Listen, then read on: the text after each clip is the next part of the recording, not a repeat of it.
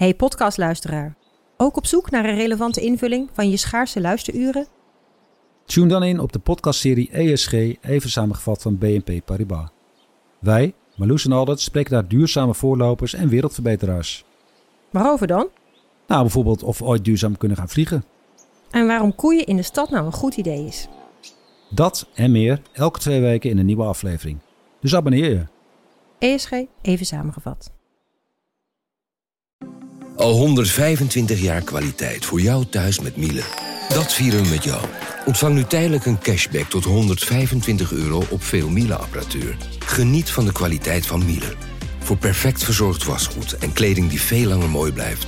Voor een stralend schone vaat, even perfect als jouw diners. En een stofvrij thuis waarin echt hygiënisch schoon de standaard is. Check miele.nl voor alle feestelijke aanbiedingen.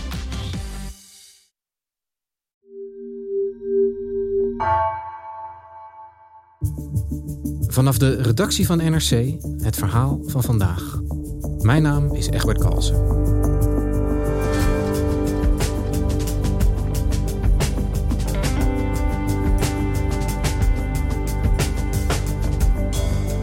Al wekenlang blokkeren honderden vrachtwagens de Canadese hoofdstad Ottawa. Wat begon als een actie tegen een verplichte vaccinatie van chauffeurs, is inmiddels uitgegroeid tot een breder protest tegen coronamaatregelen. Correspondent Frank Kuin mengde zich onder de demonstranten in Ottawa. Waarom trekt juist deze actie internationaal zoveel aandacht?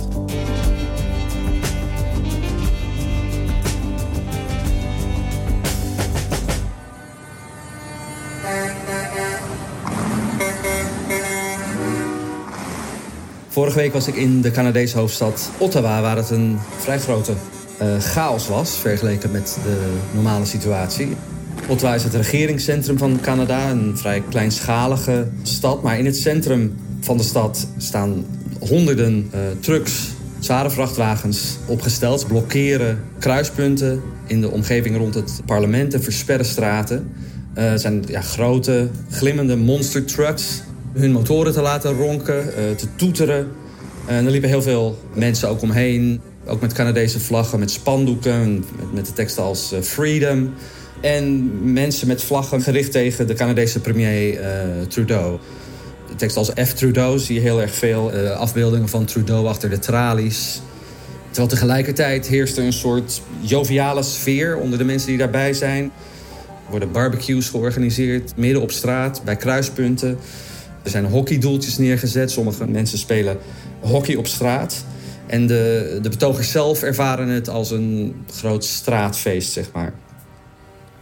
Ja, Frank, jij, uh, jij schetst een chaotisch beeld van hoofdstad Ottawa. We, we kijken al een tijdje naar, uh, naar berichten en beelden over die truckersprotesten in Canada. Wat is daar nou precies aan de hand? De directe aanleiding voor dit protest is een vaccinatieplicht die uh, Canada en de Verenigde Staten in januari hebben ingesteld voor vrachtwagenchauffeurs die de grens tussen de twee landen oversteken. Zonder vaccinatie moeten ze in quarantaine als ze de grens overgaan. Dus ja, in de praktijk kunnen ze niet werken zonder gevaccineerd te zijn.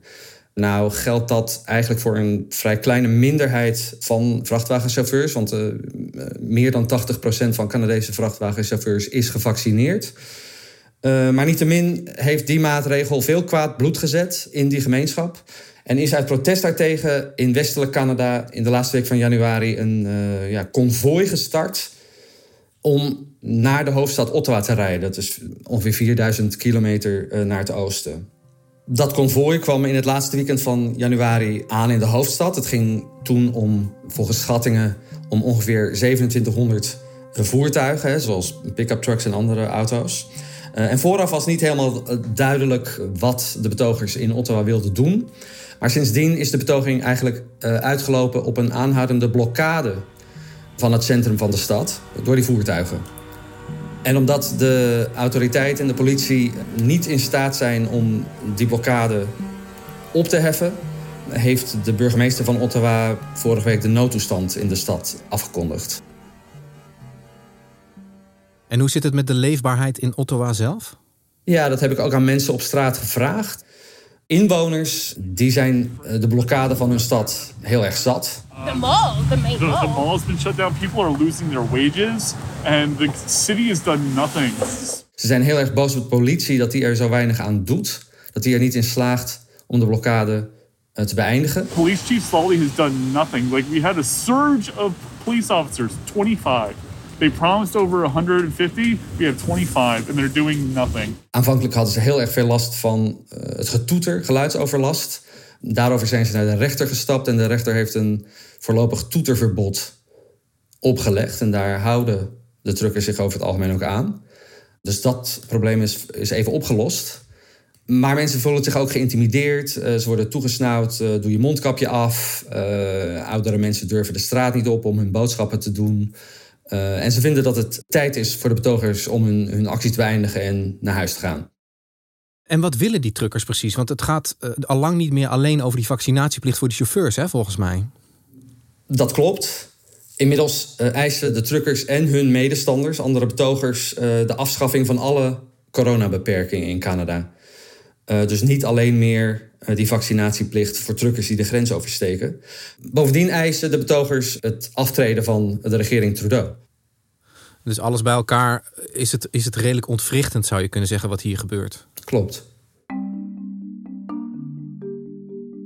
Een van de dingen die uh, vanuit ons perspectief uh, opvalt, is uh, dat deze blokkade, dit grootschalige protest, nu al ruim twee weken duurt. En dat dat juist in Canada gebeurt, wat toch een imago heeft van een land wat over het algemeen heel redelijk en rustig is in dit soort kwesties. Hoe, hoe uniek is dit protest? Ja, ik denk dat de, de manier waarop dit protest is aangeslagen veel mensen heeft verrast. Um, als hoofdstad is Ottawa wel gewend aan protesten en manifestaties. Uh, en ook blokkades komen vaker voor in Canada, uh, bijvoorbeeld tegen pijpleidingen of boskap. Maar een langdurige blokkade van de hoofdstad is uniek. En, en hoe kan het dan dat het nou deze, deze chauffeurs uh, toch lukt om zo'n enorme actie op te zetten? Wat zit daarachter? Dit truckersprotest raakt een soort snaar bij mensen die de coronamaatregelen na twee jaar helemaal zat zijn. En die zich ook verenigd voelen in hun afkeer van de regering van uh, premier Trudeau. Want daar komen de organisatoren eigenlijk vandaan. Een van de organisatoren is bijvoorbeeld Pat King, die online uh, klaagt over uh, ontvolking van het Anglo-Sassische ras. Uh, die zegt dat Trudeau een bullet moet krijgen. Trudeau, someone's gonna make you catch a bullet one day. To the rest of this government, someone's gonna fucking do you in. You sons of bitches. De meeste van de organisatoren die zitten in een extreemrechtse hoek met een grote hekel van alles uh, waar Trudeau voor staat. Hè. Trudeau natuurlijk toch een ja, wereldbekende uh, progressieve premier juist. En worden daarbij ook gesteund uh, vanuit de Verenigde Staten. Donald Trump steunt dit protest. En de organisatie krijgt veel bijval van rechtse media in de Verenigde Staten, bijvoorbeeld Fox News, die mensen ook aanmoedigen om uh, geld te doneren om de truckers uh, te steunen. En dat doen Amerikanen ook. Dus, dus de, wat begon als een binnenlands protest tegen coronamaatregelen in Canada... blijkt inmiddels van over de grens vanuit de Verenigde Staten ook gefinancierd te worden? Uh, klopt. Er is een crowdfunding campagne is er opgezet toen het nog om een konvooi ging. Um, dat is eerst via het Amerikaanse bedrijf GoFundMe gegaan. Daar is meer dan 10 miljoen dollar uh, opgehaald om de truckers uh, te steunen. Maar toen de actie een blokkade van de Canadese hoofdstad werd, toen hebben de Canadese autoriteiten uh, geklaagd bij GoFundMe en gezegd: ja, hoe kunnen jullie geld inzamelen voor een ontwrichtende blokkade van onze hoofdstad? En kunnen jullie daarmee stoppen? En GoFundMe heeft aan dat verzoek voldaan. Hey, en er zitten dus radicale Amerikaanse republikeinen ook die dit protest ondersteunen. Hoe wordt daar politiek op gereageerd in Canada en in de VS? Weet je daar iets van? Ja, doordat het konvooi zeg maar, is omarmd door Donald Trump, heeft het ontzettend veel aandacht gekregen in het rechtse ecosysteem in de Verenigde Staten. En bijvoorbeeld uh, prominente republikeinen in Texas en Florida, die steunen openlijk dit protest. Um, en zijn ook heel boos geworden op de stap van GoFundMe om die financiering af te snijden. En hebben gezegd uh, dat is fraude, we gaan dat onderzoeken. De Canadese autoriteiten hebben daar juist weer heel geërgerd op gereageerd. Ze zeggen, ja, waar bemoei je je mee? Hoe, hoe wij onze wetten naleven en onze levens hier leiden... dat is uh, niet de zaak van uh, de minister van Justitie van Texas. De Canadese regering is geërgerd door uh, die Amerikaanse betrokkenheid bij uh, de acties en financiering van de acties. En premier Trudeau heeft dat ook uh, besproken met de Amerikaanse president Biden. This morning I had a direct call with President Biden to talk about our shared challenges at the border. I updated him on the situation. We discussed the American and indeed global influences on the protest. We talked about the presence of U.S. citizens in the blockades and the impact of foreign money to fund this illegal activity. President Biden and I both agree that for the security of people and the economy, these blockades cannot continue. En Frank, jij zei net dat die organisatoren van deze blokkade vooral uit rechtsnationalistische hoek komen. Zie je dat dan ook terug in de mensen die aan het demonstreren zijn?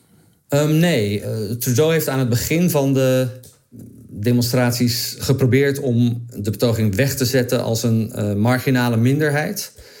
Maar er lopen in Ottawa bij de demonstraties lopen veel Canadezen rond die gewoon tegen vaccinatieplicht zijn, die van de coronamaatregelen af willen en om die reden naar de hoofdstad komen. Me as an example, I have my vaccinations. It's just I don't believe forcing people to get vaccinated is the. Uh, you know, I believe encouraging people to get the vaccine, but not forcing people by like taking away their jobs.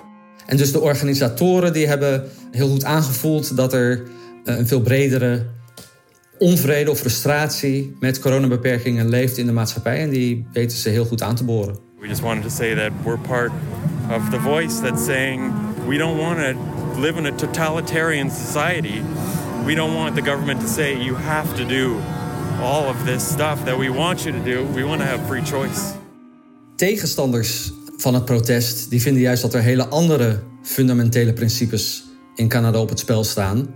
Zoals de democratie en de manier waarop je protesteert of je onvrede over eh, beleid uit. Zij zeggen, je hebt het recht om naar de hoofdstad te komen om uh, te demonstreren. Maar je hebt niet het recht om de hoofdstad te blokkeren totdat je je zin krijgt. I respect uh, everyone else's right to protest. I completely disagree with their occupation of our city. You want to drive across the country and protest on Parliament Hill? Go for it. Don't clog my city up. Don't, you know, harass people on the street. Don't piss and shit all over downtown. You know, that's not respectful. Zo doen we dingen niet in Canada, zo doen we dingen niet in een democratische maatschappij. Het krijgt ook internationaal navolging. In, uh, in Frankrijk was het dit weekend chaos door demonstrerende chauffeurs. En in Den Haag reden de vrachtwagens het centrum binnen. En maandag kwam er een konvooi aan in Brussel. En dat werd door de autoriteiten uh, weggeleid van het centrum. Waarom lijkt juist deze actie met die trucks wereldwijd zo aan te slaan? Het blijkt eigenlijk enorm effectief. Het levert hele imposante beelden op van uh, trucks die in een konvooi rijden om hun punt te maken. Ja, het is in feite een, een, een spierballenvertoon. Hè? Daar komt bij dat uh, het konvooi heel erg is gepromoot op sociale media. bijvoorbeeld de invloedrijke podcastmaker Joe Rogan. Die juichte het konvooi toe en zei dat er 50.000 trucks naar de Canadese hoofdstad reden. It's a giant convoy of trucks. Some insane amount of people, like 50,000 trucks. Dat waren alternative facts, denk ik. Dat waren alternative facts, inderdaad. Dat was onzin. Uh, maar niettemin uh, ging dat de wereld over. En kreeg het protest iets van een soort uh, kristallisatiemoment van de onvrede voor veel mensen in binnen- en buitenland. Het doet mij een beetje denken aan de gele hesjesbeweging, maar dan met vrachtauto's, zoals we wat een paar jaar geleden in Frankrijk gezien hebben. Hoe, hoe kijken ze daar in Canada tegenaan? Tegen die internationale spin-off, zou je bijna kunnen zeggen, van dit protest? De gele hesjes worden inderdaad gezien als een soort antecedent. Truckers en hun medestanders zijn blij met de internationale bijval die hun beweging krijgt. Tot aan Nieuw-Zeeland werd met Canadese vlaggen uh, gedemonstreerd als een soort symbool voor uh, vrijheid van uh, coronabeperkingen. In het volkslied heet Canada The True North Strong and Free. En daar refereren zij heel erg veel aan. Tegenstanders zijn, denk ik, minder blij met dat gebruik van de Canadese vlag. Want voor hun staat Canada meer voor een socialer land met collectieve gezondheidszorg, respect voor minderheden, respect voor elkaar. Dus er zijn ook eigenlijk verschillende beelden van waar Canada voor staat in het geding.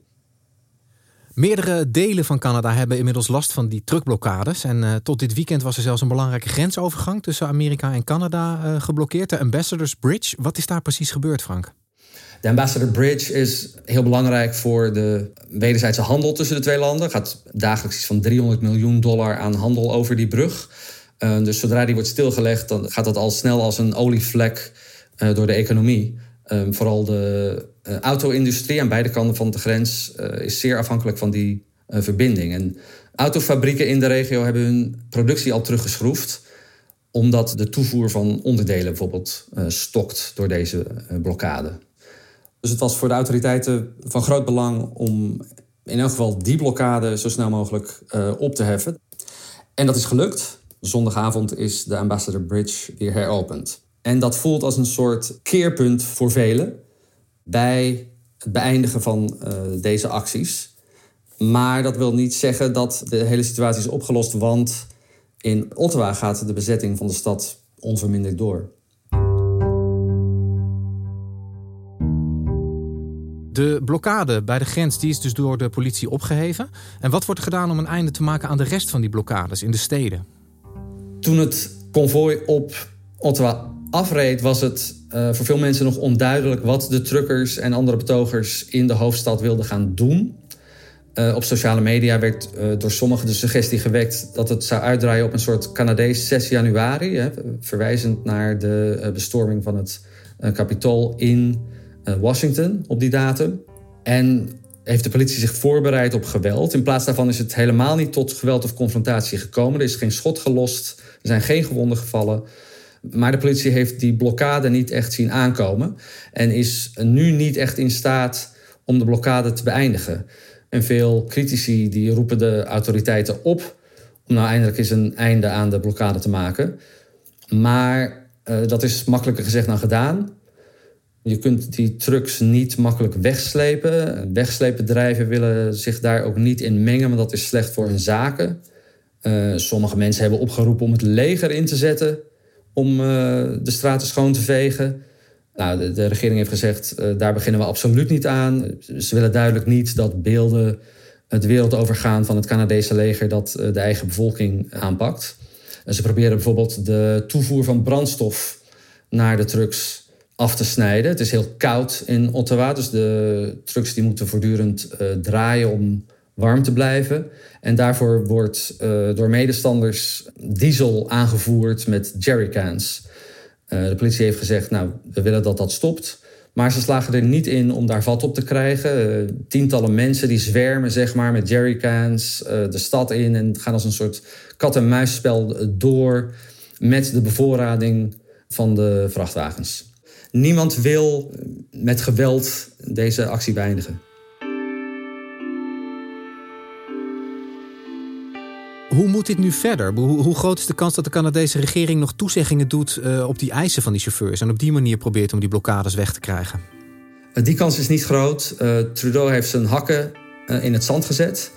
Um, hij heeft de betogers vanaf het begin afgeschilderd als extremisten en een marginale minderheid met wie hij niet gaat praten.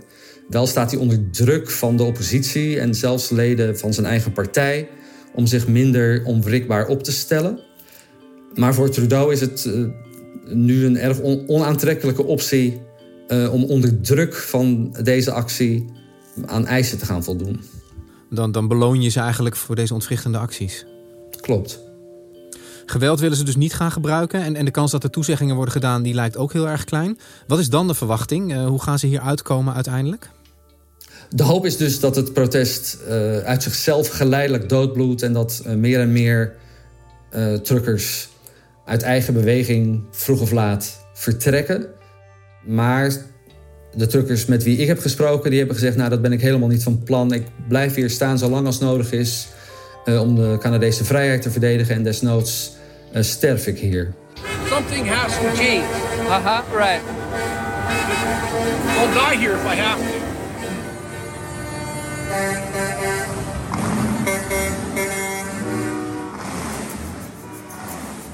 Dankjewel voor je verhaal, Frank. Graag gedaan.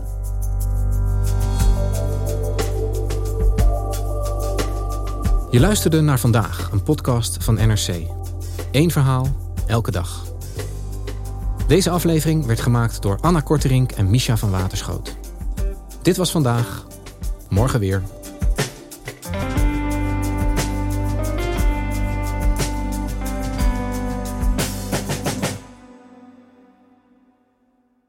Technologie lijkt tegenwoordig het antwoord op iedere uitdaging. Bij PwC zien we dit anders. Als we de potentie van technologie willen benutten, kunnen we niet zonder een menselijk perspectief. Human-led, tech-powered noemen we dat. Ga naar pwc.nl.